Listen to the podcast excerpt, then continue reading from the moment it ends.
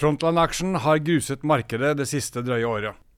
Bekymring for resesjon og OPEC-kutt gir volatilitet, men med gjeninnhenting i Kina, fortsatt vekst i oljeetterspørselen og en syltynn ordrebok, venter vi at den sykliske oppgangen i tankmarkedet holder seg.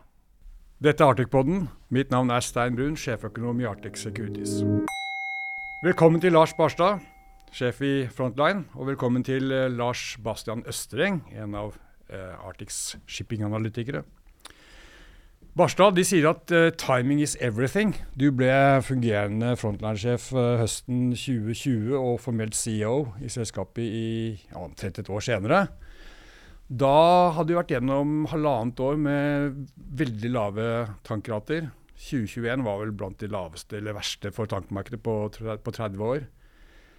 Det må ha vært en utfordrende start, eller, eller var det et godt utgangspunkt?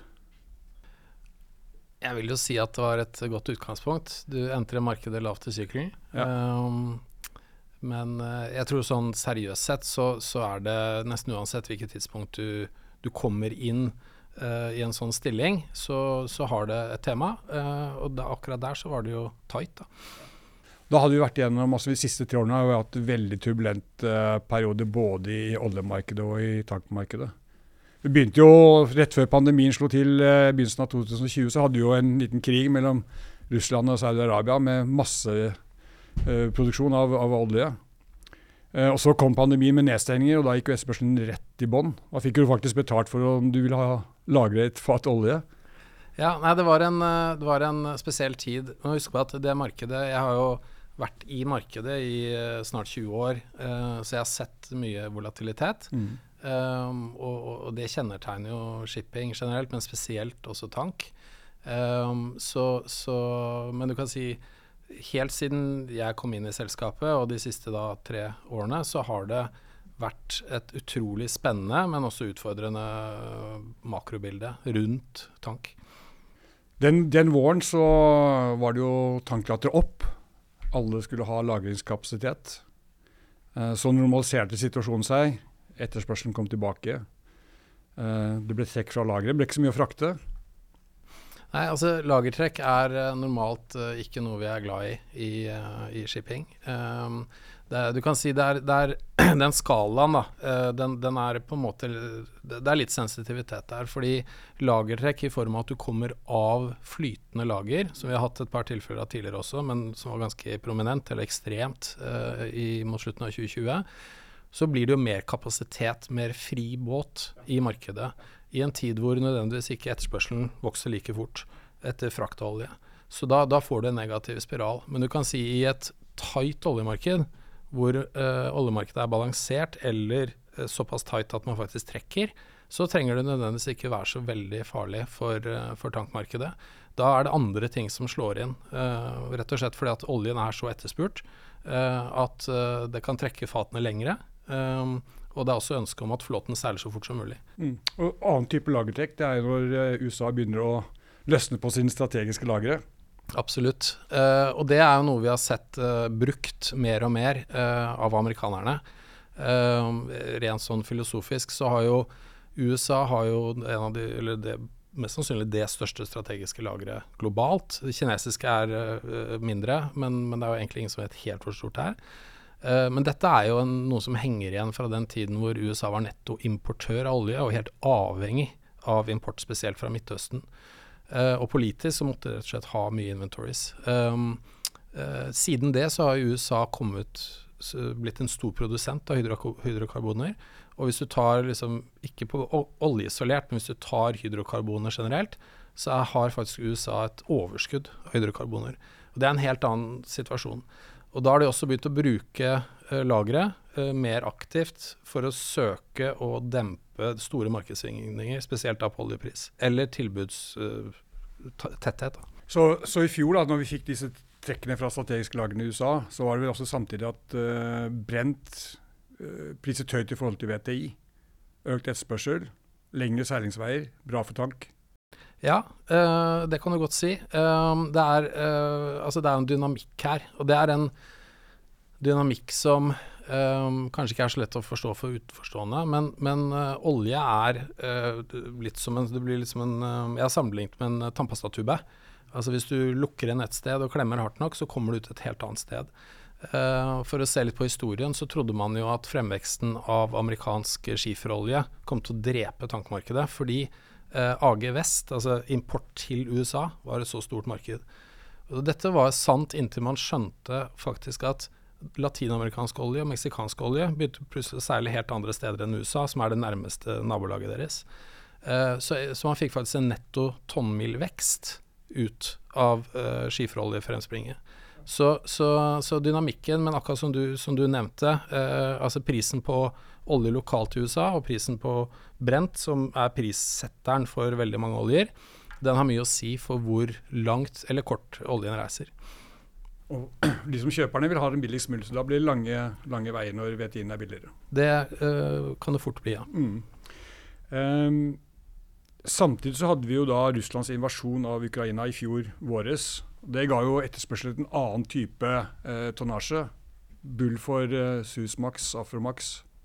Ja, absolutt. Eh, altså Russland er jo en enorm, eller stor, da, eh, eksportør av olje i markedet. Eh, og eh, det at på en måte den Jeg vet ikke hva det heter på, på norsk, ja, disruption av, av russisk oljeflyt, det, det, skapte store ringvirkninger. Um, og det er jo begrenset hvilke havner de eksporterer fra. Du har uh, det baltiske sjøen, uh, Russland som da uh, bit av den baltiske sjøen, og så har du Svartehavet.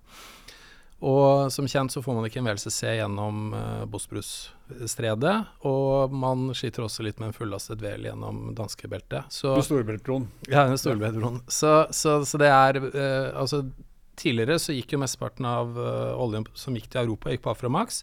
Og så gikk noe av den oljen som gikk lenger, gikk på Suezmax. Uh, og nå fikk du en effekt at denne oljen hadde jo ikke noe hjem med sanksjonene. Så, så, og dette startet jo med til en viss grad med selvsanksjonering, men også etter hvert så har jo de, de på en måte G7 offisielle sanksjoner slått inn hardere og hardere. Um, den, så den oljen uh, har fått et hjem som er mye mye lenger unna. Uh, og, og, da har det initielt betydd at både Susmaxer og til en viss grad Aframaxer seiler mye mye lenger. Men du, Apropos Russland, fordi der er jo sanksjonert oljeeksport. Men fortsatt tyter olje ut fra Russland? Ja, uh, og det er, det er en på en måte en litt sånn problematisk politisk sak, tror jeg. Fordi altså Venezuela og Iran så er molekylet sanksjonert. Mm. I, eh, overfor Russland så tror jeg verdenssamfunnet forsto at man kan ikke sanksjonere molekylet, fordi verden trenger rett og slett den oljen. Uh, de produserer rundt 10-11 eh, millioner fat og eksporterer rundt 7-7,5 millioner fat om dagen. Og det er altfor mye av en total etterspørsel på 99-100 millioner fat. Ja. Så det kunne man rett og slett ikke gjøre. Og da må man heller finne veier om å prøve å begrense tilgangen til, til russisk olje. Eh, og, og, og, det eh, gjorde man da med vekslende hell, eh, i form av å sanksjonere veldig mange aktører innenfor oljeindustrien.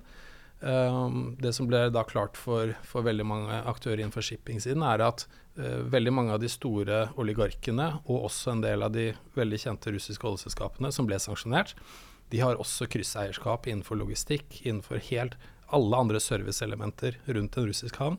Så det gjorde at det ble fryktelig vanskelig å kunne seile med russisk olje. Ja, Men noen gjør det? Mange gjør det. Mange gjør det, ja. ja men ikke dere?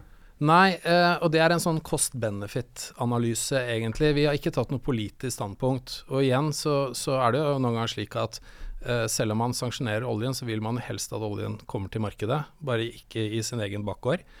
Um, så, så um, uh, men, men uh, slik vi har sett det, så er det Eh, vi er jo et børsnotert rederi. Vi forvalter aksjonærverdier. Og det å ta den risikoen på vegne av våre aksjonærer, eh, for det er alltid en risiko. Uh, og jeg kan highlighte én spesiell. Det er hva hvis et eller annet skjer med skipet ditt når du ligger i russisk havn. Så det kan godt hende at du blir tvunget til å bryte sanksjoner for å søke hjelp. Og forsikringsselskapet ditt kan uh, hende at de ikke kan hjelpe deg. Uh, og det kan være også overfor mannskapet en risikofaktor. Uh, så, så, så, med det liksom som bakteppe, så fant vi ut at de ekstra dollarene vi kunne ha tjent på å seile på Russland, de lar vi heller være. Og, og, så har vi jo sett over tid at det har ikke vært så veldig dum strategi. Uh, for nå har du et, et mer, i større og større grad ekskluderende marked for skip med russisk historie.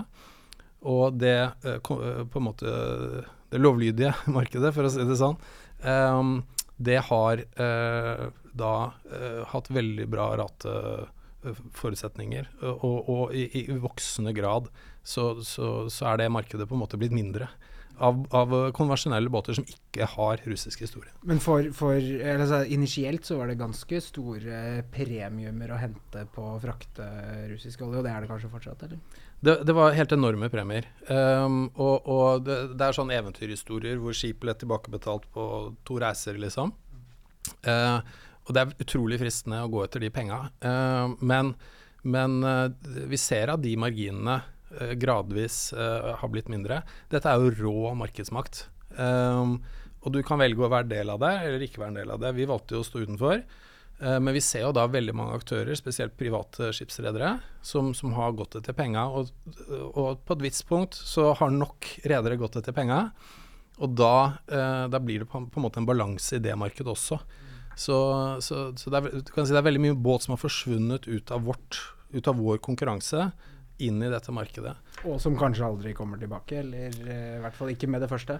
Nei, nok ikke med det første, men jeg tror uh, her er det veldig viktig å ha to uh, Det er to, to, veldig forskjellige ting. Én er det man refererer til som the dark fleet.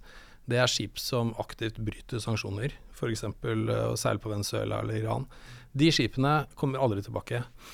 Men du kan si Grey Fleet, som vi kaller de som, som, fortsatt handler med Russland. De bryter faktisk ikke sanksjoner, man gjør det til lovlig. Um, der er det nok en større fleksibilitet til at en del av den tonnasjen kan komme tilbake. Men vi må huske på at dette er veldig stor grad eldre tonnasje, som har lavere effektivitet enn et moderne skip. Så, så, så jeg ser ikke det som noe stor frykt, uh, for å si det sånn.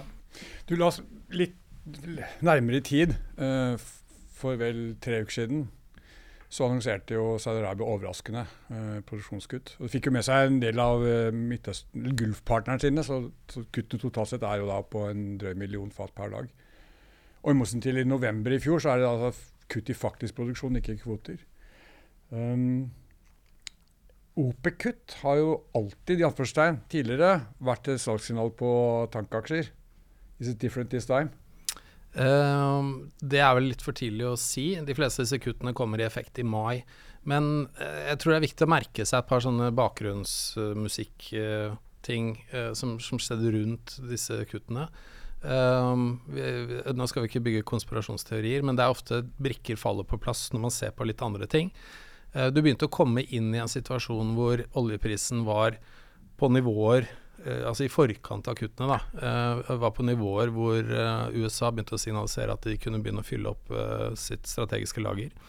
Det kan godt hende at land i OPEC ikke så det som en fordel, at, at, de fikk muligheten til det. Um, og så har du også det at den største eksportøren innenfor OPEC er Midtøsten sånn generelt sett, um, og Saudi er den absolutt største. Um, når de går inn i mai, juni, juli måneden, så har de sin høyeste interne konsum uh, liksom i løpet av sesongen. Så sesongmessig så faller eller, unnskyld, uh, eksporten fra OPEC, spesielt i landene rundt Midtøsten, faller med 1-1,5 million fat per dag uansett.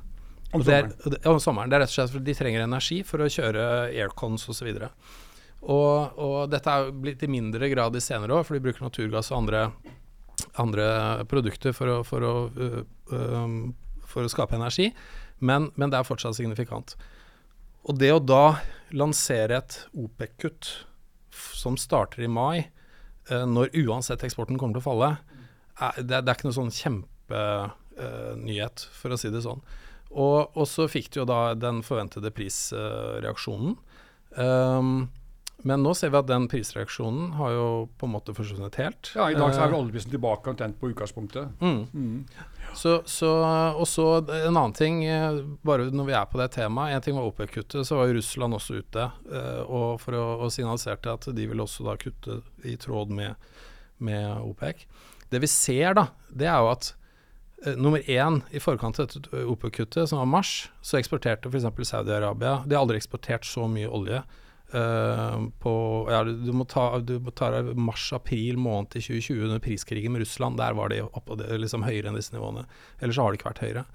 Så Saudi liksom sender en enorm mengde fat olje inn i markedet, og så varsler de kutt etterpå. Nummer to, Russlands eksport i havveien, den har ikke falt noen ting. Den har faktisk styrket seg bitte lite grann. Uh, gjennom hele pandemien, unnskyld, gjennom hele sanksjonsperioden, altså krigsperioden.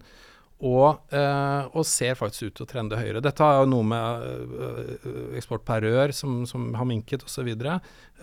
Men, men så, så, så, liksom på tilbudssiden her så er det litt sånn mixed bilde. Også til syvende og sist med OPEC, da, og jeg sier ikke at OPEC-kutt er bullish tank, men til syvende og sist med OPEC-kutt så må vi også ha i bakhodet det som kanskje er det mest interessante temaet i tankmarkedet i dag. Det er at Kina er på vei ut av pandemien. Ja. Det er utrolig vanskelig for oss som sitter i Norge og har vært ute av pandemien et år nå, å skjønne at Kina faktisk har sittet hjemme eh, omtrent fram til eh, Chinese New Year i februar. Og nå skal den økonomien i gang igjen. Eh, og da er det forventet at etterspørselen kommer til å øke ganske kraftig. Eh, med et OPEC-kutt, hvor skal da Kina få oljen fra? Og de, det, det, det, har vi sett tidligere, at uh, oljen blir rett og slett dratt og, og, man begynner å konkurrere om oljen. Du kan si prissignalet vi ser nå bekrefter ikke det i det hele tatt, men det kan selvfølgelig uh, skje. Og da vil plutselig uh, amerikansk olje, uh, nordsjøolje, Vest-Afrika-olje, Brasil-olje i mye større grad seile mot Kina istedenfor lokalt i, rundt Atlanterhavet eller inn til Europa. Men du, Bare for å ta det med Saudi-Arabia-kutt og, og, mm. og, Kina med en gang. fordi Kina hadde jo sin nett, nest høyeste import av råolje i mars. Mm. Mistenkelig godt timet før uh, mm. annonseringen. Altså De fikk en lobb, en lob fra Saudi-Arabia ja, ja. rett inn før uh, dette ble annonsert. Så, så, men, og vi så også at kinesisk import uh, har, var veldig høy fra, fra, USA også. I på en måte den siste um, På en måte presset fra USAs eksport. Uh, så, så, for USAs eksport i mars var også veldig, veldig høy. Um, så, så og, og, det bringer meg egentlig inn på noe som vi diskuterer uh, liksom internt i Frontline akkurat nå. da. Uh, altså I et marked som er relativt tight, hvor man er redd for at oljeprisen faktisk kan gå hardt opp, mm. uh, som ikke er utenkelig når vi går inn i sommersesongen nå, og raffinerier kommer ut av vedlikehold og sånn, så har Kina vært utrolig flinke til å gi gass når markedet ser ut til å være litt svakt, og så dabler de helt av, forsvinner helt i perioder eh, hvor, hvor, markedet ser altfor tight ut. Så, så, og akkurat det der tror jeg vel merker meg. Spiller eh, markedet bra, de? De, de? de, har en tendens til å gjøre det. Mm. Og det er jo ikke bare på olje. De, altså, hvis du ser hvordan de agerte på jernmalm tilbake i 2021 også, så fremsto de som ganske gode råvaretradere, faktisk, kineserne. Og naturgass, eh, LNG. Altså, når, når, altså, med kull, eh, å switche mellom kull og, og gass. Uh, man kan jo tenke seg til hvis de hadde kjørt LNG like hardt som de gjorde tidligere år i fjor, mm. så kunne det blitt veldig interessant. Altså, Vi var jo litt usikre på timing og strykende en ventet kinesisk gjeninnhenting sånn ved årsskiftet. Nå har vi fått tall som viser at det var veldig god vekst i, i første kvartal.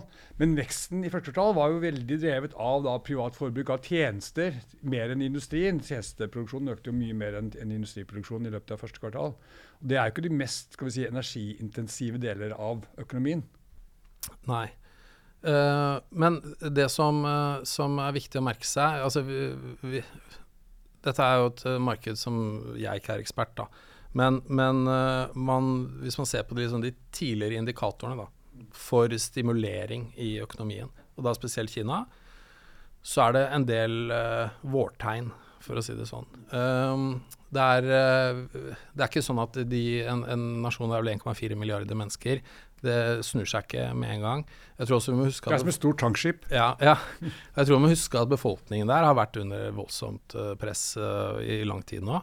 Uh, og kanskje ikke stoler helt på myndighetene heller. Det har vel ikke vært kommunisert fullt ut offentlig at nå slipper vi løs alt, liksom. Men, men de, de, driver gradvis og, og, og starter opp. Men vi ser de, de industriindikatorene som utlåning til byggevirksomhet osv. Ja. Det er på vei opp. Ja. Og sentimentet, for å si det sånn, sånn uh, buyers index, uh, det kan du bedre enn meg, De, de har liksom begynt å, å vende seg. Det jeg tror kan bli veldig interessant uh, Kina har et enormt innenlandsflymarked. Der får man signaler på at uh, de faktisk, akkurat som i Norge, så Ja. sliter man med arbeidskraft. Ja. Flygeledere, piloter og pers personell. Eh, Å få de tilbake på jobb. Um, Og det er jo en av de ting som kineserne skal gjøre nå. Det, Ja. det er jo reise. mm. Og det er jo energi. Ja, det er energi. Og så uh, var det en som nevnte for meg, også en litt morsom en, det er jo at uh, vi, vi møter jo kinesere eh, rundt omkring i hele verden. De vil ofte reise ut av land nå for å besøke familie og venner. Uh, så så dette kan på en måte være en sånn eh, Det er en, i hvert fall en ukjent faktor hvor langt dette eh, vil dra, da. Og det finner vi ut av over sommeren. Også uansett, Det er jo veldig mye prat i markedet om resesjonsfrykt i USA og sånt noe. Uansett så kan man kanskje si at med de tankratene vi har i dag, selv om de ikke er så høye som de var, de tankratene vi har i dag, tyder jo på at det er en bra underliggende etterspørsel fra type land som Kina, fra type land som, som India. Ja, Hvis man skal tro statistikkene, i hvert fall, så er det få tegn til svakhet på oljeetterspørselssiden. Altså Vi er tilbake rundt 100 millioner fat per dag, så pre-pandemi. eh, Og det da uten Kina for full maskin. Ja, og Vår andre analytiker Ole Rikard Hammer han venter jo en, en etterspørselsvekst i år på 2% eller 2 millioner fat per dag. Da er det spørsmål om eh, saudi-araberne og venner nede i Gulfen kan holde på sine produksjonskutt. Da, for hvis, hvis ikke så går jo oljeprisen ganske så hardt i, i taket. Ja, og og, og det, det er jo det store spørsmålet, på en måte. Hva, hvor stor er fleksibiliteten i produksjonsleddet her? Uh, vi, vi, vi Altså det, det er kan si makro, eh, long term, eller hva heter det på norsk? Eh, Langsiktig. Langsiktig uh, tema her er jo underinvestering i uh, gammel økonomi. Uh, F.eks. da uh, oljeproduksjon, men også i bygging av skip. Ja, det kan vi straks ta. Jeg skal bare spørre deg om eh, et par ting, et par ting til. fordi nå har vi snakket om mye rålefrakt hittil. Eh, produkttank har jo vært bra, Mm. mye bedre hele tiden. Mm. Og sånn strukturelt, altså Det er jo mange land i Midtøsten som nå bygger opp raffineringskapasitet. Mm. Eh, det kan jo ha noe å si for, eh, for hvilke trades som går fremover, da, på sånn mellomlang lang sikt. Mm. Eh, blir supertanker avleggs etter hvert? Nei, det vil jeg ikke si. Fordi uh, vi må se også da Da må vi se på rålig produksjonsvekst, hvor den kan komme fra. Da. Uh, men for å ta produktet først. eh, hvis vi bare ignorerer pandemien og ignorerer på en måte alt det som har skjedd, så, så har det vært en trend ganske lenge på at det å bygge ut raffineringskapasitet i tråd med etterspørsel etter produkt, både i Europa og USA, det har man ikke klart. Eh, Det har ikke vært bygget et nytt raffineri i USA på 30 år eller et eller annet sånt nå. Eh, Det har også vært investert eh, Vi har kommet fra et marked med en ekstremt lave raffineringsmarginer, så det er rett og slett ikke økonomi i det.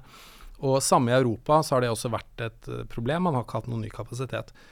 Og under pandemien, og etterspørselen forsvant totalt, og vi alle satt hjemme, så var det liksom spikeren i kisten for ganske stor del av Europas og USAs eh, Kanskje ikke USA, men i hvert fall Europas raffineringskapasitet. Størrelsesorden 2,5-3 millioner fat per dag i prosesseringskapasitet som ble tatt av. Den kommer aldri tilbake. Aldri. Uh, og samtidig så bygger man opp uh, raffineringskapasitet i Midtøsten, uh, India og også da i Kina. Og det, det betyr at for produkt isolert så blir veien fra raffinering til produksjon blir, Nei, til etterspørsel, den blir mye lenger. Men på samme måte så ser vi også at spesielt deler av Asia, de har jo ikke all den oljen selv. Så de må jo importere den fra et eller annet sted. Så du, du, du, du bygger også ineffektivitet i logistikken rundt uh, råoljeimport. Og ironisk nok, da, så er det, hvis vi ser på skiferolje i USA, den oljen passer veldig dårlig inn i et amerikansk raffineri. Amerikanske raffinerier er ikke bygget for å raffinere veldig veldig lett olje, men det er kinesiske. Så du, du har liksom den utvekslingen der Ja, også. I tillegg, ja. Ja, så, Dette, dette er jo ting på litt sånn mellomlang sikt. Mm. Sånn rent umiddelbart så har vi sett at raffineringsmarginen har kommet ganske mye ned. Tror du det vil slå ut i lavere rate for produkttank? jeg tror det allerede gjør det. Ja. Så, så, og da når vi tar liksom det kortsiktige bildet akkurat nå, så er jo markedet under press. Men, eh, men da vil jeg også henvise til historiebøkene. Du nevnte 2021, som var et eh, grusomt år. Eh, og, og, kanskje et av de dårligste årene på, på 30 år. Eh, hadde vi hatt rater som vi har nå, i 2021, så hadde vi alle vært veldig, veldig veldig happy. Ja, Alt er relativt. Alt er relativt. Ja. Du, tilbake til, du nevnte tilbudssiden her i sted. Uh, nå er det jo, også Ordrebøkene er jo rimelig slunkne. Mm. Uh, Tilsvarer for stortank under 4% av den seilende flåten. Uh, det er bull rater, gitt at etterspørselssiden holder seg. Mm. Det, altså, det, er på en måte det langsiktige bakteppet her. Uh, og igjen uh, tilbake til dette med underinvestering uh, i gammel økonomi, da, som også tank kan regnes som. Det er ikke som en veldig mye nyvinninger der, for å si det sånn. og det er tunge investeringer som ikke har vært gjort. Og med det som har skjedd spesielt for tank, det er at når vi kom ut av pandemien, så startet litt forskjellige shipping-segmenter startet sykkelen på forskjellige tidspunkt. Og vi kjenner alle til hva som skjedde med containermarkedet. Uh, og container, du kan si Alle flåtene, nesten uansett, er like gamle. Eller har et aldersproblem. Uh, det er en uh, pensjonistgenerasjon der som, som, som, ikke er effektiv lenger. Og, Eldre, eldrebølgen? Eldrebølgen i, i, i, shipping. Og um, det som skjedde da, var at uh, pga. enorme enorm god inntjening i containermarkedet og ønske om effektivisering, så, så ble det bestilt voldsomt mye båt. Parallelt så ble det også bestilt en del LPG-skip. Parallelt med det så ble det bestilt ganske mye LNG-skip. Og så har faktisk kapasiteten til å bygge skip den har minket liksom over mange år. Så har den minket helt fra 2008-2009-boomen innenfor shipping. Så har den uh, minket.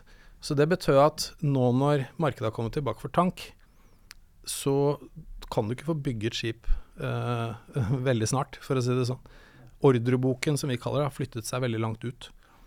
Det, og det, det, slår to ting. Nummer én er selvfølgelig det tidsgapet som må fylles. altså Da må eksisterende tonnasje seile over det, på en måte, uh, hvor, hvor, det ikke er noe tilvekst i det hele tatt. Og det kan bli veldig interessant markedsmessig.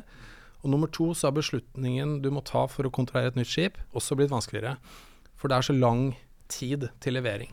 Ja, men du må tross alt ta beslutningen. Altså For meg som makroøkonom mm. har fulgt litt med på siden sånn 30-40 år, så virker jo litt som om tankledere, og for så vidt andre også, er litt sånn, er litt sånn uh, saueflokk. Altså alle kontro skal kontrollere samtidig. Uh, vil dere være bjellesau, eller vil det være rævadilter, som dere sier i Bergen? Nei, altså vi vil uh, vi, Historisk så har Frontline sjelden vært aktiv i, i kontraheringsmarkedet.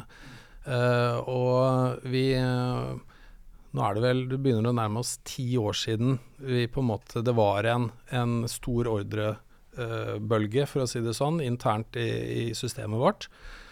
Vi, vi, vi, er veldig pragmatiske, da. Når vi sitter og ser på å kontrahere en båt nå, som blir levert om to og et halvt år, best case, med den kapitalkosten og at du ikke har noe cashflow i den perioden, så uh, vil alternativinvesteringen være mye, mye bedre, og det er å kjøpe en båt som er på vannet i dag.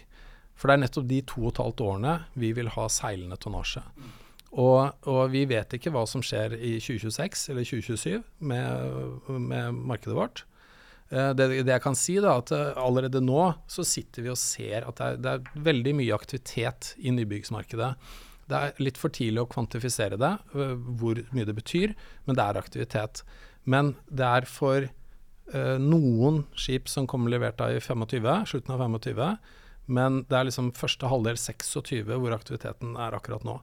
Uh, og, og, for å i det hele tatt fylle dette gapet som vi har, uh, så, så, trenger vi egentlig en voldsom mengde, olje, uh, voldsom mengde ordre, bare for å i det hele tatt at flåten ikke skal minke da, fremover. Ja. Så dere venter fortsatt? Vi venter fortsatt. Ja. Lars Bastian, eh, jeg må jo faktisk gi deg her altså, berømmelse. Du hadde jo et klokkeren perfekt planke i februar, begynnelsen av februar i fjor. Da du snudde på, da du snudde på, på tank og oppgraderte sektoren. Da var vel frontline-kursen sånn 58? Det stemmer nok ganske ja, bra. Og nå er den sånn midt på 160-tallet. Mm, mm. Ja, uh, ja, det er ikke sikkert at vi treffer så bra igjen. Uh, Altså, Nei, men det, første, det var bra. Den, den, den, er vi veldig fornøyd ja. med, selvfølgelig. På, på dagens rate, hva, hva, tror du inntjening kan være for Nei, altså hvis, vi, hvis vi sier at uh, rund baut så er det rundt eh, 50 000 dollar dagen uh, på både VLCC, Suezmax og produkttankskipene til Frontlight, så Mm. er det fort uh, 40 kroner eh, i året, da, i Ja. eh, EPS. Ja. Og i fjor Inntjening per aksje. Inntjening per Ja. aksje, kan Ja. man også si, selvfølgelig. Og i fjor så var det, hvis man justerer litt og sånn, så var det 17, da. Så det er eh, jo helt fantastisk eh, inntjeningsvekst, kan du si. Ja. Så, men, men eh, 40 kroner aksjen, altså. Eh, det ble nevnt her innledningsvis at eh, Frontline handler litt over Nav. Mm. Eh, vanligvis handler jo Frontline ganske godt over Nav. Ja, sånn i stor sånn 1,2 ja, ganger sånn cirka. ca. 20 Mm. premium til Nav. Da. Nå er det vel 5 eh, premium ca. Altså, allerede der har du en, en rabatt. Og så sier jeg eh, at de tjener eh, 40 kroner eh, på dagens rater. Eh, det vil jo egentlig si at siden i inntjening per aksje så tar du høyde for avskrivninger også, så kan du si at eh, Naven vil jo alt annet likt øke med omtrent 40 kroner Ja, eh, fremover. per ikke år. sant? Mm, Så, per aksje. Nettopp. Men samtidig så er jo skipsverdiene høye. De er høye i historisk perspektiv, men det du også kan ta med deg da, sant? sånn som eh, Lars nettopp var inne på, du vil ha båter på vannet. Mm. Eh, Implisitt, hvis du kjøper Frontline-aksjen, da, så betaler du omtrent 130 millioner dollar for en uh, splitter ny VLCC. Mm. Det er det samme som det koster å bygge. Mm. Og så sier du at det tar to og et halvt til tre år å uh, få det levert. Så uh, du får jo i prinsippet da tre år med inntjening gratis, da. Og eh, vi får jo tegnet et ganske positivt bilde her med eh, en flåte som potensielt skal krympe over de neste årene eh, og bli mindre. Og jeg tror jo, hvis du ser på Ole Rikard sine estimater, som du, du nevnte tidligere, så skal eh, opp med et par millioner fat i år. Og for meg virker det egentlig som at verden eh, har eh, hva skal vi si realisert, da, eller, eller skjønt at eh, oljeetterspørselen kommer til å fortsette å, å vokse. vokse ja. Så til tross for all denne, alt denne resesjonssnakken, så er du Vi Fortsatt liker, positiv. liker fortsatt tank eh, veldig godt, vi. Og så blir det Altså, alle sånne høye eller veldig bra shippingmarkeder er stort sett veldig volatile også. Eh, så det blir sikkert uh, litt opp og litt ned. Eh, men vi tror at eh, den lange linja er opp. Mm. bra. Da sier jeg takk til Lars og Lars. Ja. Takk skal dere ha. Tusen takk for at vi fikk komme. This podcast has been prepared by Arctic for information purposes only. The information, opinions, and recommendations presented in this podcast are for general information only, and any reliance on the information provided in this podcast is done at your own risk. This podcast should not be considered professional advice. The information provided in this podcast is not intended to constitute investment advice, nor is the information intended as an offer or solicitation for the purchase or sale of any financial instrument. Relevant and specific professional advice should always be obtained before making any investment or credit decision. It is important to note that past performance is not indicative of future results. This podcast does not fulfill the criteria for preparing investment research and must be seen as marketing material. All information submitted during this podcast is obtained from public sources that Arctic believes to be reliable, but which Arctic has not independently verified. Arctic makes no guarantee, representation, or warranty as to its accuracy or completeness. No liability whatsoever is accepted for any direct or indirect, including consequential, loss or expense arising from the use of information from this podcast.